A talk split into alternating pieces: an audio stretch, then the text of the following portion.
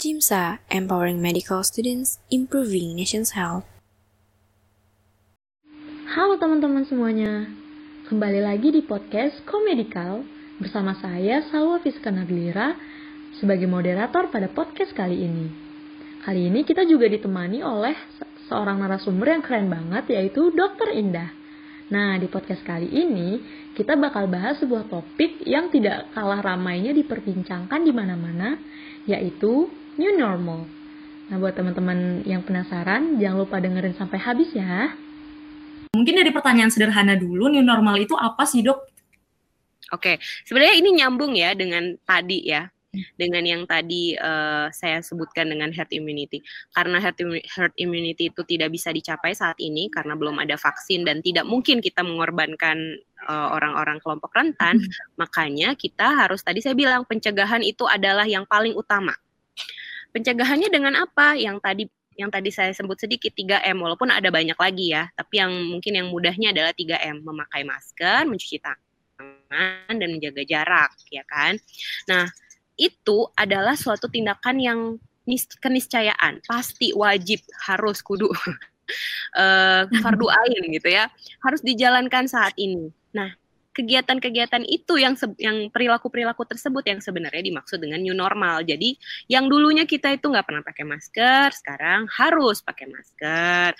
Yang dulunya kita bisa cipika-cipiki, kumpul-kumpul, salam-salam, segala macam, hey bro, apa segala.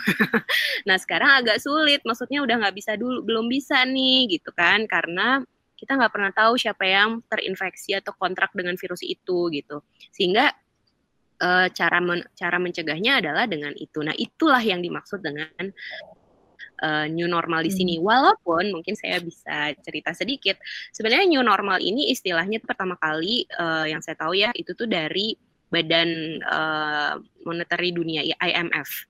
Mereka mengeluarkan um, istilah new norm sebenarnya bahasa Inggris. Jadi bukan new normal ya, new norm, uh, norma baru gitu. Cuman mungkin di di kemudian diserap oleh banyak nggak cuma di Indonesia sebenarnya.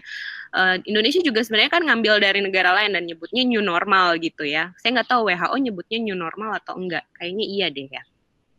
Nah new norm ini sebenarnya maksudnya IMF adalah karena kan gini selama pandemi ini ekonomi kan yang kena banget kan dampaknya gitu. Nah gimana caranya uh, apa ekonomi bisa tetap jalan tapi nggak bisa sama caranya karena kesehatan ini lagi bermasalah apa namanya nggak nggak uh, kesehatan yang paling utama kan harus utama gitu. Nah, sehingga mereka pun mengeluar apa menyebutkan istilah new norm ini bahwa oke, okay, kita ekonomi harus bisa, bisa nih bisa jalan tapi caranya udah beda ya, harus pakai norma baru ya. Nah, gitu sebenarnya sejarahnya awalnya. Gitu. Tapi terus kemudian diaplikasikan, uh, diadaptasikan ke untuk perilaku kesehatan, tapi agak ya mungkin kalian udah tahu juga ya ini atau mungkin kalian juga punya pendapat ini agak mis misplace mungkin ya kata-kata new normal ini gitu saya sih agak gatal juga nih mendengar kata new normal karena buat orang awam itu akan terkesannya new normal itu oh kita udah kembali normal nih karena ada hmm. kata-kata normal ini benar ya ya sehingga orang-orang kemudian jadi pada um, mulai nyantai, mulai nggak pakai masker, mulai nggak ini, ya mulai rame. Kalian lihatlah di jalanan seperti itu gitu. Itu sih uh, ceritanya Salwa tentang new normal ini dan maksud new normal itu adalah yang tadi saya bilang. Kita harus menerap menerapkan kebiasaan baru. Jadi sebenarnya memang yang cocok itu adalah adaptasi kebiasaan baru. Kita di di pemerintah Jawa Barat sih ya kan pakainya AKB ya istilahnya adaptasi hmm. kebiasaan baru atau norma baru itu mungkin masih lebih lumayan dibandingkan normal baru. Kalau kata ada normal itu ada kata normal langsung orang-orang hmm. mikirnya oh back to normal kita kembali seperti dulu gitu. Itu Sawa. Uh, lalu apa kan new, new normal juga mungkin udah diterapkan di WHO dok. Apakah hmm. kata new normal di Indonesia ini sudah sesuai dengan standar WHO dok? Yang tadi saya bilang sebenarnya maksud sebenarnya bukan masalah katanya ya, tapi pengertiannya. Kalau dari pengertiannya sih sama, kan kita kan uh, apa namanya merujuk juga ya ke WHO bahwa saat ini kita harus menggu, apa mulai menerapkan perilaku yang baru karena belum bisa herd immunity gitu, belum ada vaksin. Jadi mau nggak mau pencegahan nomor satu.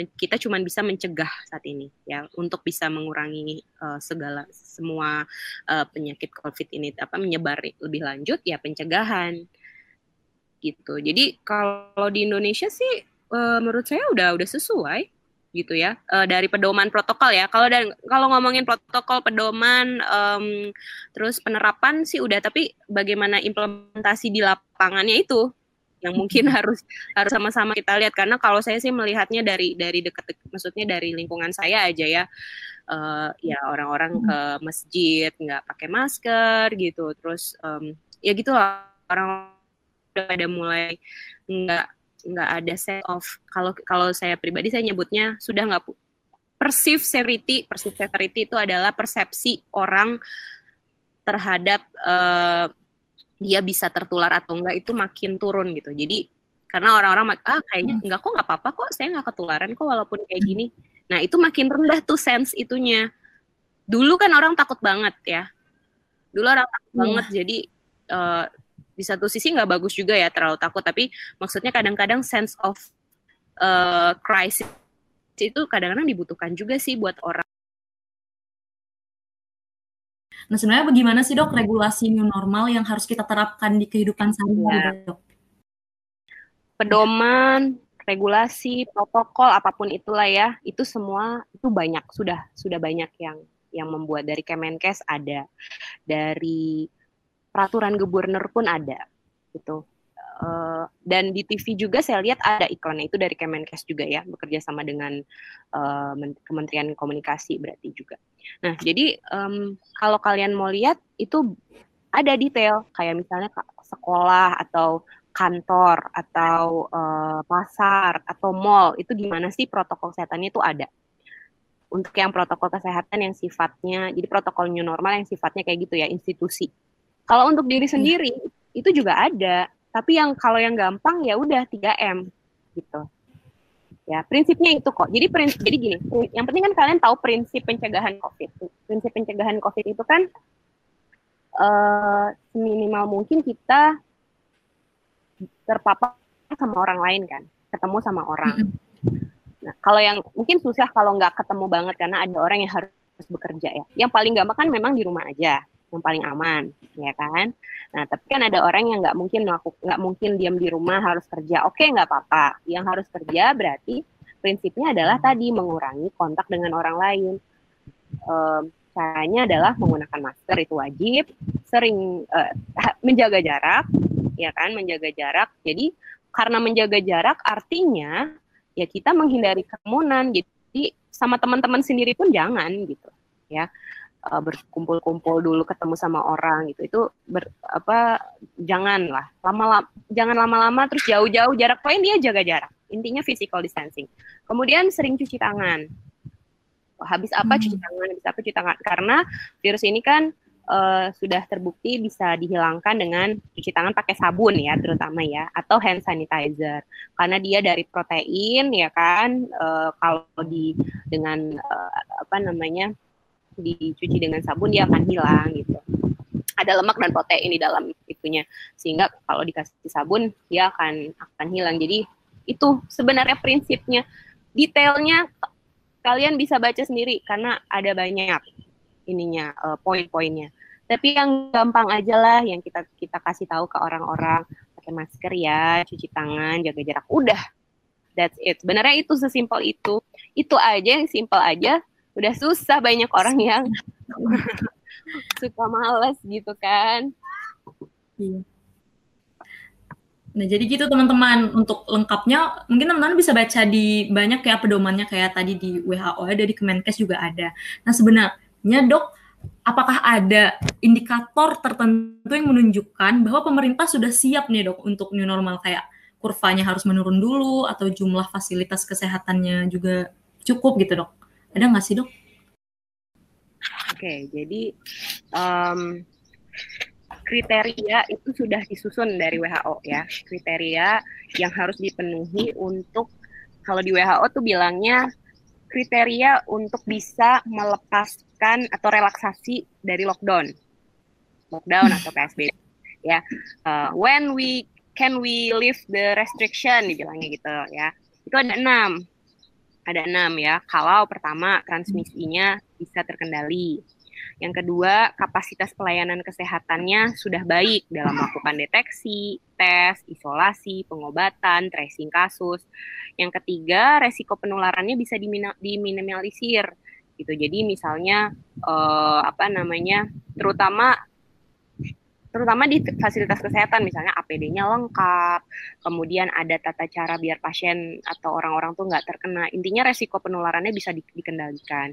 Yang keempat, upaya pencegahan di tempat-tempat umum itu telah berjalan dengan baik. Yang kelima, kasus impor bisa dikelola dengan baik. Yang keenam, yang paling utama juga adalah masyarakat telah dididik dengan baik dan terlibat untuk menerapkan new normal. Keenam ini harus terpenuhi Nah, pertanyaannya, apakah Indonesia sudah memenuhi? Coba kalian jawab sendiri. Nomor satu, transmisi terkendali. Menurut kalian terkendali nggak? Kapasitas pelayanan kesehatan sudah baik. Deteksi, tes, sudah berapa banyak tes yang bisa kita diperiksa, isolasi, tracing kasus, sudah udah bisa belum? Resiko penularan bisa diminimalisir? Upaya pencegahan di tempat umum gimana? Kasus impor, masyarakat udah pada pinter belum? Kira-kira jawabannya gimana? Ada yang udah terpenuhi dari enam itu? Kalau saya sih bilangnya belum. Ya, jadi jadi makanya um, ya gitulah ya. Saya sih saya sih terus maksudnya terus terang aja kalau menurut saya sih belum banget ya dari enam ini dan nggak cuma saya ya banyak pendapat ahli yang juga bilang sebenarnya kita memang belum belum bisa relaksasi gitu. Tapi memang di satu sisi ada ekonomi kan yang yang menjadi hmm. permasalahan. Nah itu yang um, apa namanya saya sih jadi ya saya saya memaklumi sih kalau kalau ada kebijakan yang harus membuka ini. Tapi ya gitu uh, di satu kalian kita memang harus ekonomi penting. Tapi yang menjalankan ekonomi itu kan orang yang sehat kalau orang pada sakit ekonomi mati juga gitu jadi balik lagi deh yang mana duluan yang mau diselamatkan ya oke okay. Eh, jadi kan kayak tadi dok uh, kriterianya belum terpenuhi ya dok. Menurut saran dokter nih, apa langkah-langkah yang harus diambil oleh pemerintah dok untuk menekan jumlah penyebaran COVID ke depannya? Itu tadi. uh, sebenarnya rekomendasi dari para ahli itu udah banyak ya ke pemerintah ya. Um, untuk menekan kasus ini kan tadi salah yang paling utama itu pencegahan. Vaksin itu sudah ada yang mulai. Sekarang di RSIS timnya Prof Kusnandi dari uh, anak dari Departemen Ilmu Kesehatan Anak itu sudah sudah jalan studi tentang vaksin. Tapi vaksin itu yang biasanya orang bikin vaksin itu biasanya waktunya empat tahun. Itu waktu normal ya. Ya mungkin bisa dipercepat kayaknya kalau karena lagi dalam uh, sekarang mungkin teknologi makin canggih kemudian ini kebutuhannya juga uh, urgent gitu mungkin bisa cepat tapi yang normal itu biasanya vaksin butuh waktu empat tahun untuk akhirnya bisa dipakai. Lama kan itu. Lama. Dalam empat tahun itu kita harus kayak gini terus berarti kan? Nah uh, jadi sebenarnya ya benar harus normal terus maksudnya harus AKB adaptasi kebiasaan baru nah um, jadi sebenarnya yang yang perlu dilakukan itu ada dua uh, jadi ada pihak-pihak sih yang harus ini ya di satu sisi pelayanan kesehatan kita harus harus sanggup untuk uh, apa namanya kayak tadi yang dibilang ya deteksi, tracing kasus, isolasi, tes, pelayanan kesehatan kita gimana. Tapi yang paling mudah, paling mudah, saya bilang paling mudah adalah kan kita mencegah lebih baik ya. Jangan sampai kita ke pelayanan kesehatan dulu. Ya masyarakatnya. Udah, itu paling nomor satu. Masyarakatnya harus pinter, harus mau ikut serta, mampu melakukan gitu. Jadi dia pinter, ada istilahnya nih sebentar ya, mana ya. Harus harus mau dan mampu gitu. Harus udah dia tahu, dia bisa, dia ngerti dan dia mau dan mampu melakukan perilaku kesehatan baru ini adaptasi kesehatan baru. Itu jadi harus masyarakatnya harus banget kita kuatkan um, karena kalau masyarakatnya tertib, bagus, sehat gitu ya, kan dia nggak perlu sampai ke rumah sakit atau ke fasilitas kesehatan kan. Gitu. Nah jadi sebenarnya teman-teman nih di Cimsa itu penting banget gitu. Kalian tuh uh, apa namanya kan kalian memang utamanya kan ke promotion, health promotion kan, health education kan utamanya mencegah kan.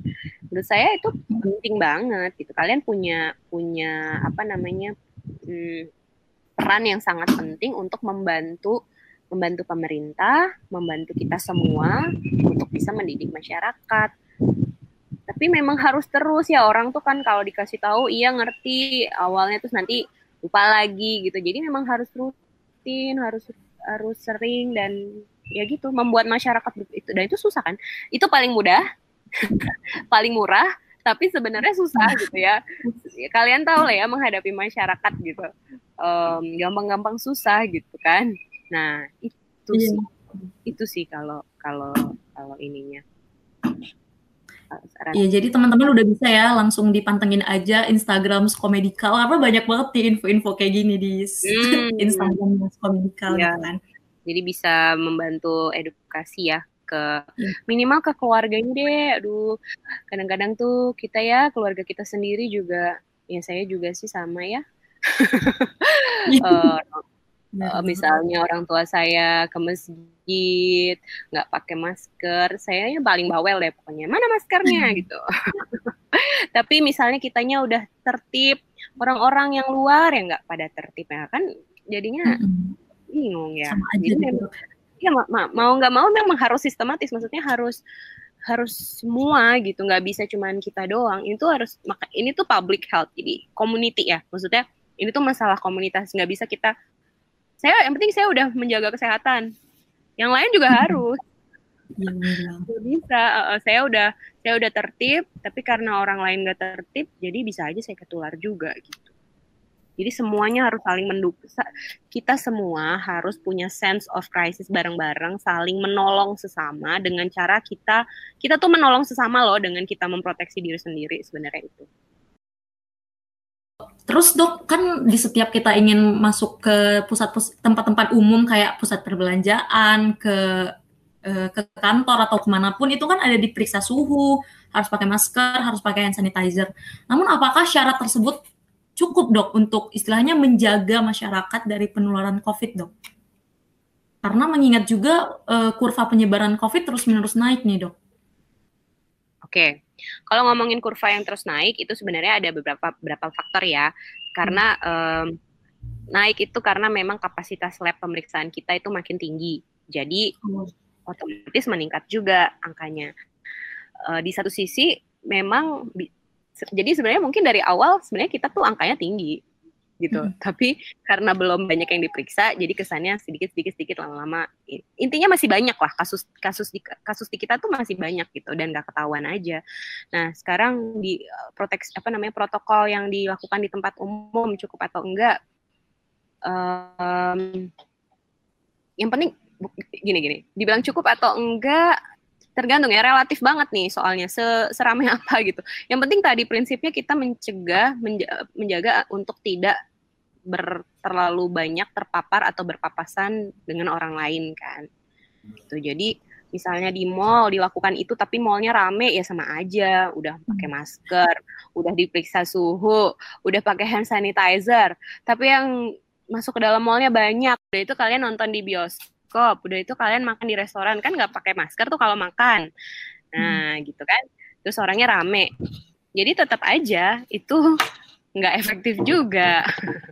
Ya gitu. E, jadi sebenarnya 3M itu harus dilakukan bersamaan gitu ya dok? Nggak nggak bisa kalau tiga dua dari tiga gitu itu juga nggak efektif ya dok? Iya malah sebenarnya kan tadi saya bilang sebenarnya nggak cuma tiga ya daftarnya ya ada banyak gitu kan kayak misalnya makan yang sehat minum vitamin ya kan jaga saya karena kan itu untuk menjaga menjaga imun kita nih karena tadi covid itu kalau misalnya imunnya baik sih sebenarnya uh, orang bisa nggak ada gejala kan atau OTG dan hmm. dia sembuh terus dia udah punya antibody gitu tapi buat orang-orang yang imunnya rendah ini kan yang berbahaya. Nah, makanya kan sebenarnya ada. AKB itu salah satunya juga menjaga kesehatan, makan makan sayur dan buah, minum vitamin. Jadi ada banyak sebenarnya gitu. Tapi yang untuk berhubungan dengan orang lain memang em, atau yang biar mudah lah ya itu 3M itu. Ya betul, harus kalau mau efektif ya harus semuanya. Jadi kita rajin cuci tangan tapi kita nggak pakai masker, kita nyentuh-nyentuh orang ya sama aja lah.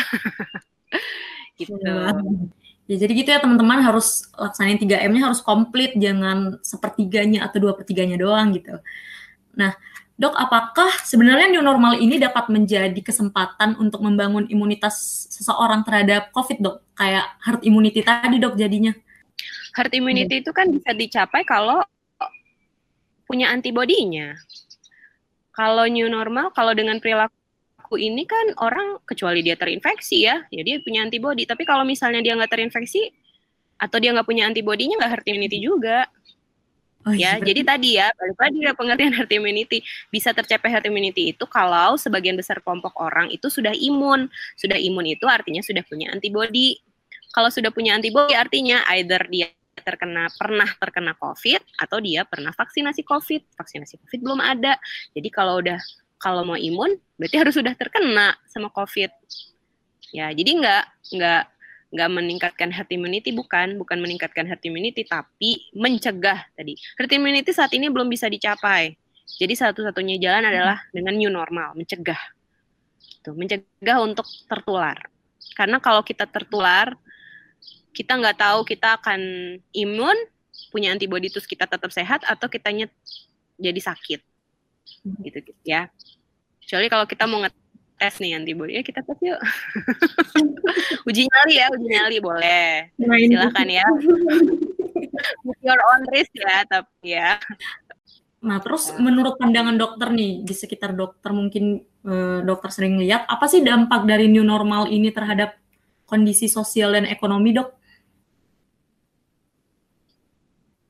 hmm, pasti berubah ya karena eh, seperti saya tadi bilang dulu orang bisa cipika-cipiki ketemu orang lain enak gitu kan gampang nggak perlu jaga jarak. Sekarang kan jadinya kan orang jadi takut juga untuk ketemu orang lain. Mau keluar rumah itu kalau saya pribadi ya dan pokoknya di rumah itu tuh kayak mau perang gitu. Em, apa namanya sebisa mungkin gak usah mandi deh karena nanti bakal mandi habis pulang gitu kan. Terus bajunya lengan panjang pakai masker pakai kalau kalau ini pakai kacamata nggak pakai ini yang lain. Pokoknya eh, pastilah me- me- apa ya mempengaruhi tatanan bukan tatanan mempengaruhi budaya eh, so- sosial kita. Secara ekonomi ya juga lah pasti ya. Contohnya bioskop ya kan nggak dibuka sekarang. Atau eh, restoran yang dulu bisa penuh sekarang nggak bisa penuh. Mall juga nggak bisa penuh ya kan? Terus Mhm. kayak misalnya yang sifatnya entertainment kayak konser atau liburan itu kan udah pasti akan susah gitu. Nggak bisa saat Iya. ini ya kan? Iya banget. jadi mm, pasti merubah gitu. Merubah sangat merubah gitu. Dan itulah makanya disebutnya new normal sebenarnya adalah bahwa kita harus mulai berpikir mulai mengubah normal kita yang dulunya normal itu adalah kayak gitu ya kalian bisa bayangkan. Sekarang nggak bisa kayak gitu. Sekarang kita hidup dalam era yang kita nggak bisa sering-sering ketemu orang kalaupun ketemu orang harus jauh-jauhan dan pakai masker. Jadi memang kesannya tuh kayak ya gimana lagi ya? Em, mungkin malah ya saya pernah nih saudara saya datang dia nggak pakai Iya. mereka nggak pakai masker tapi kita semua di rumah pakai masker. Terus akhirnya maaf eh, mbak pakai ya maskernya padahal kita saudara gitu. Karena kan dia jauh ya dari luar kota kan? Iya. kita nggak pernah tahu ya. Ya gitu pastilah me- me- mengubah eh, sosial kan itu sosial ya mengubah sosial. Mungkin awalnya terkesannya adalah eh, apa kalau orang pakai masker tuh kayak kenapa sih dia takut? Apa ketularan dari kita? gitu. Tapi kan sebenarnya itu sama-sama memproteksi ya saya memproteksi kamu kamu memproteksi saya gitu. Ya kan bilangnya maskermu memproteksi saya masker maskerku memproteksi kamu gitu. Ya. Nah new normal itu diharapkan orang-orang udah mulai menganggap biasa orang pakai masker. Biasa justru yang nggak pakai masker yang diliatin lo anti sosial nih yang nggak pakai masker. Ya. Dulu dibalik ya. Mungkin mungkin sekarang masih ada pikiran nih kalau pakai masker tuh berarti anti sosial dia nggak mau kayaknya dia jijik sama orang lain. Kan nggak gitu sebenarnya ya. Uh, jadi sekarang harus uh, ini nih saya pernah baca ini. Uh, ini ini ini cerita perilaku yang baru. Tapi ini uh, uh, apa namanya tentang tentang alkohol. Jadi kalau di negara lain itu kan alkohol itu biasa ya. Uh, mereka biasa. Dan hmm. justru kalau orang yang nggak minum alkohol itu yang dianggap ah lo nggak ini banget sih gitu. Antisosial ya. Nah tapi sekarang udah mulai berubah tuh kalau sekarang ada yang minum alkohol dan terus nyetir itu dibilangnya itu dibilangnya antisosial pokoknya uh, kalau dia nggak bisa jaga diri nih kalau udah minum alkohol terus dia ini apa namanya nggak bisa menjaga diri itu dibilangnya antisosial. Nah sama sekarang mudah-mudahan nih masker ini juga eh, kebiasaan yang kita 3M itu itu juga jadi the new norm gitu, normal baru. Justru kalau orang nggak pakai masker, orang deket-deket sama kita, itu tuh berarti orang tersebut ya yang aneh gitu, antisosial dibilangnya. ya kan, gitu. Kalau sekarang kan mungkin kita masih dalam fase uh, transisi ya. Jadi kita masih kadang-kadang masih ngerasa gimana mungkin untuk orang yang awam ya. Kalau untuk kita, untuk mahasiswa kedokteran saya yakin mudah-mudahan ya, mudah-mudahan mahasiswa-mahasiswa di sini eh maksud saya atau anggota-anggota CIMSA di sini uh, justru itu udah jadi perilaku sekarang udah jadi bagian ya udah jadi normal nih makanya kayak Fauzan dari pakai masker lagi di luar gitu itu uh, hmm. bagus tuh Amin ya Allah. Semoga ya kita semua udah biasa lah pakai masker gitu kan. Nah dok sebenarnya ada nggak sih secerca harapan gitu new normal ini bakal membawa kita semua kembali ke keadaan normal gitu dok? Aduh, Salwa. Balik lagi ke tadi ya. Kita kalau mau normal, kembali normal atau mau bisa ber itu kalau kita sudah mencapai herd immunity. Gitu. Herd immunity ya kalau vaksin tadi butuh waktunya empat tahun. Anggap aja 2024 lah. mudah-mudahan ya.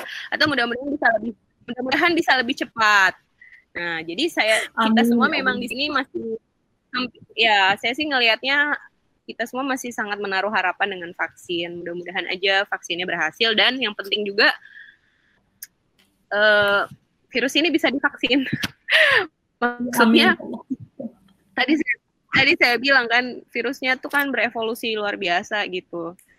Uh, ya pokoknya kita hmm, berusaha aja berusaha yang terbaik. Nah saat ini memang mau nggak mau kita harus menerapkan ini gitu sampai sampai normal kembali. Sekarang lah normalnya seperti ini. Baiklah kita doakan saja semoga pandemi ini cepat berakhir dan kita kembali ke kebiasaan normal kita karena kayak new normal ini tuh berbeda banget jauh ya dengan kehidupan kita biasanya gitu kan. Nah, oke okay, dok, ini yang terakhir mungkin dokter punya pesan yang ingin dokter sampaikan kepada para pendengar podcast komedikal di rumah, dok. Oke, okay. uh, eh, karena yang mendengar podcast ini adalah masuk kedokteran ya, ya kan, masuk kedokteran. Uh, jadi kan kalian, uh, saya menganggapnya kalian bukan masyarakat awam ya, kalian itu adalah agent ya, agent. Apalagi kalau yang mendengarkan ini anak Cimsa, anak Skomi, itu udah pasti kalian punya peran yang lebih dibandingkan yang lain gitu, masyarakat yang lain. Jadi pesan saya buat kalian adalah please be an agent gitu. Seperti namanya kan kan kalau nggak salah Cimsa uh, salah satu apalah misi atau apanya kan menjadi agen perubahan, ya kan, agent of change. Ya di sinilah gitu kita sama-sama.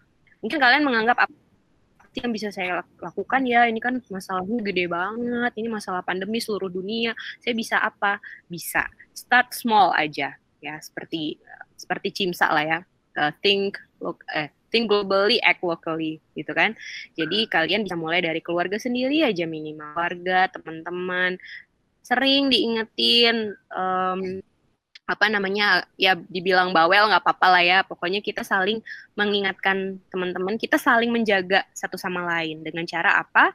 Dengan cara menjaga atau menerapkan perilaku bersih dan sehat gitu yang tadi yang harus kita kerjakan yaitu 3M tadi ya minimal. Kalian juga menurut saya dengan peran yang lebih besar ini maksudnya dibandingkan masyarakat awam kalian tuh punya peran. Cobalah juga baca-baca berita-berita sehingga kalau ditanya juga kalian bisa memberi jawaban karena pasti kan sebagai masuk ke dokteran suka ditanya nih dek uh, misalnya hmm. orang rumahnya dek ini apa sih gitu nah kalian hmm. coba juga dengan apa dengan kemampuan kalian dengan kemampuan kalian kalian bisa menjawab hoax yang sering beredar di work, apa WhatsApp grup keluarga lah, WhatsApp grup uh, teman SMA, SMP. ya, itu aja sih ya, simple tapi percayalah kalau semua orang bisa mengerjakan itu nih yang dengerin ini, insya Allah kok um, ada banyak nyawa yang mungkin bisa diselamatkan sama kalian loh, beneran serius. Kalian mungkin nggak nggak nge nggak nggak tahu bahwa ternyata dengan kalian udah ngasih tahu itu itu uh, itu bisa melindungi orang yang kali, kalian kasih tahu untuk nggak tertular gitu. Dan kita nggak tahu kan kalau orang itu tertular bisa sakit atau enggak gitu kan ya. Jadi jangan diam saja karena kalian peranannya luar biasa gitu. Itu sih pesan saya Salwa untuk para pendengar Wah, terima kasih banyak dok atas pesannya. Nah, teman-teman yang pendengar Skomedikal didengerin ya pesan dari Dokter Indah Amelianya. Uh, saya yakin pembahasan kita kali ini bermanfaat dan memberikan informasi dan wawasan baru untuk teman-teman yang mendengarkan, asalkan dengerinnya dengan seksama ya teman-teman. Terima kasih sekali lagi kepada Dokter Indah untuk waktu dan ilmu-ilmu yang sangat berharga bagi kita semua. Terima kasih banyak dok. Sama-sama, terima kasih sudah mengundang. Uh, lalu terima kasih juga buat semua semua teman-teman yang udah mendengarkan podcast ini sampai akhir dan mohon maaf jika ada salah-salah kata dari saya maupun dari Dokter Indah. Saya sebagai moderator mohon pamit undur diri. Jangan lupa teman-teman untuk like, komen, dan share podcast ini ke teman-teman semua. Bye, sampai jumpa di podcast selanjutnya.